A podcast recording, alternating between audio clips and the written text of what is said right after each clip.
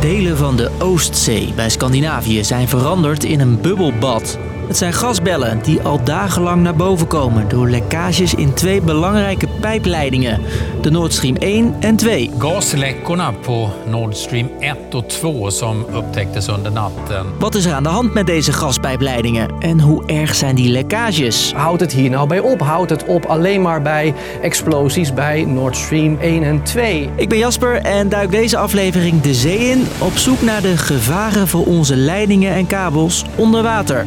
Verhaal kort. Een podcast van NOS op 3 en 3FM. Tijd voor een duik naar de bodem van de Oostzee, vlakbij Denemarken, Zweden en Polen.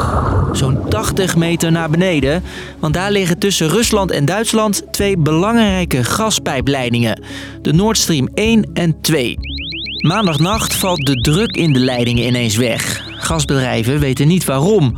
Tot rond 2 uur middags het Deense leger alarm slaat. Op vier verschillende plekken blijken de pijpleidingen lek te zijn. Oorzaak? Verschillende grote explosies onder water. Dit zegt defensiespecialist Peter Weininga daarover. meest waarschijnlijk is toch wel omdat op 80 meter diepte ligt, eh, dat er een eh, soort eh, een, een mini-onderzeeër is gebruikt. Die zal dan een flinke explosieve lading, toch wel meer dan 100 kilo, tegen de buizen aan hebben gelegd. Dat de leidingen bewust kapot zijn gemaakt, daar twijfelt eigenlijk niemand meer over. Maar wie zit erachter? Europa kijkt naar Rusland als dader. En dat is volgens oud-defensie-expert van de NAVO, Timo Koster, niet zo gek. Ik zie niet wat een andere dader hiermee te winnen zou hebben. Hij heeft waarschijnlijk hiermee een zet gedaan die gas- en olieprijzen gaan opdrijven. Hij heeft een sterk signaal afgegeven dat hij bereid is nog verder te gaan dan dat we wel dachten. Rusland ontkent en zegt dat ze net zo bezorgd zijn over het lek als wij. Andere verdachte?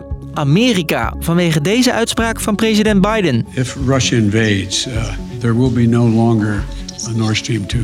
We, we will bring an. Zolang we het niet weten is alles mogelijk. Maar het lijkt mij erg onwaarschijnlijk dat onze grootste NAVO-bondgenoot eh, infrastructuur van zijn eigen bondgenoten kapot gaat maken.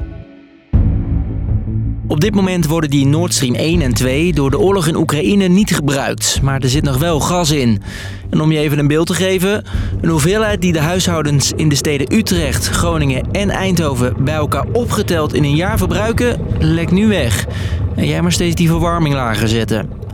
De pijpleidingen zijn echt flink beschadigd. En repareren duurt lang, als dat überhaupt al lukt. Wat ik begreep eh, is gewoon een heel deel van de buis eh, weggeslagen.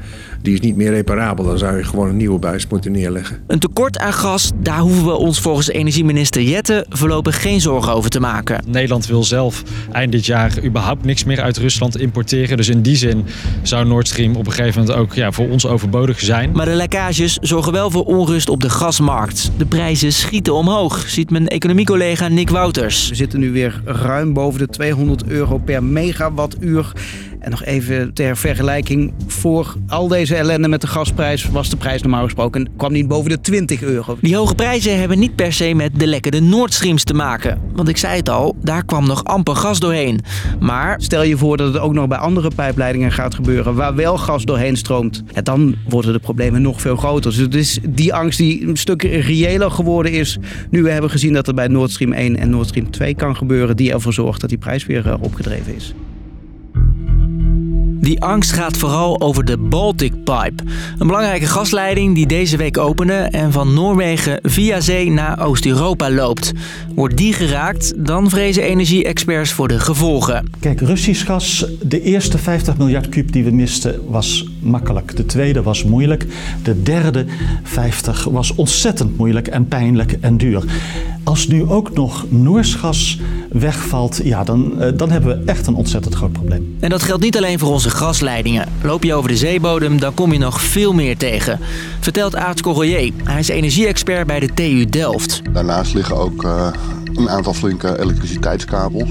Eigenlijk tussen alle landen rond de Baltische Zee. Daar liggen allemaal ja, datatransportkabels voor, voor internet en voor telefonie en dat soort dingen. Dus er ligt best wel veel op de zeebodem. Ook dichter bij huis, want ook op de bodem van onze Noordzee ligt zo'n 10.000 kilometer aan kabels en leidingen. Denk maar aan al die windmolens die stroom opwekken. En dus wordt overal gekeken hoe de beveiliging kan worden opgeschroefd. Dus, lang verhaal kort. De bodem van de zee ligt op veel plekken vol met kabels en gasleidingen. Twee belangrijke pijpen, de Nord Stream 1 en 2, zijn nu aangevallen en onbruikbaar. En dat zet de boel op scherp, want als ook andere leidingen beschadigd raken, dan hebben we in Europa een groot probleem. Was de podcast weer? Niet echt een happy end, maar we houden het nieuws voor je in de gaten. Morgen rond 5 uur, dan staat er weer een nieuwe podcast in je app. Bedankt voor het luisteren. Doei!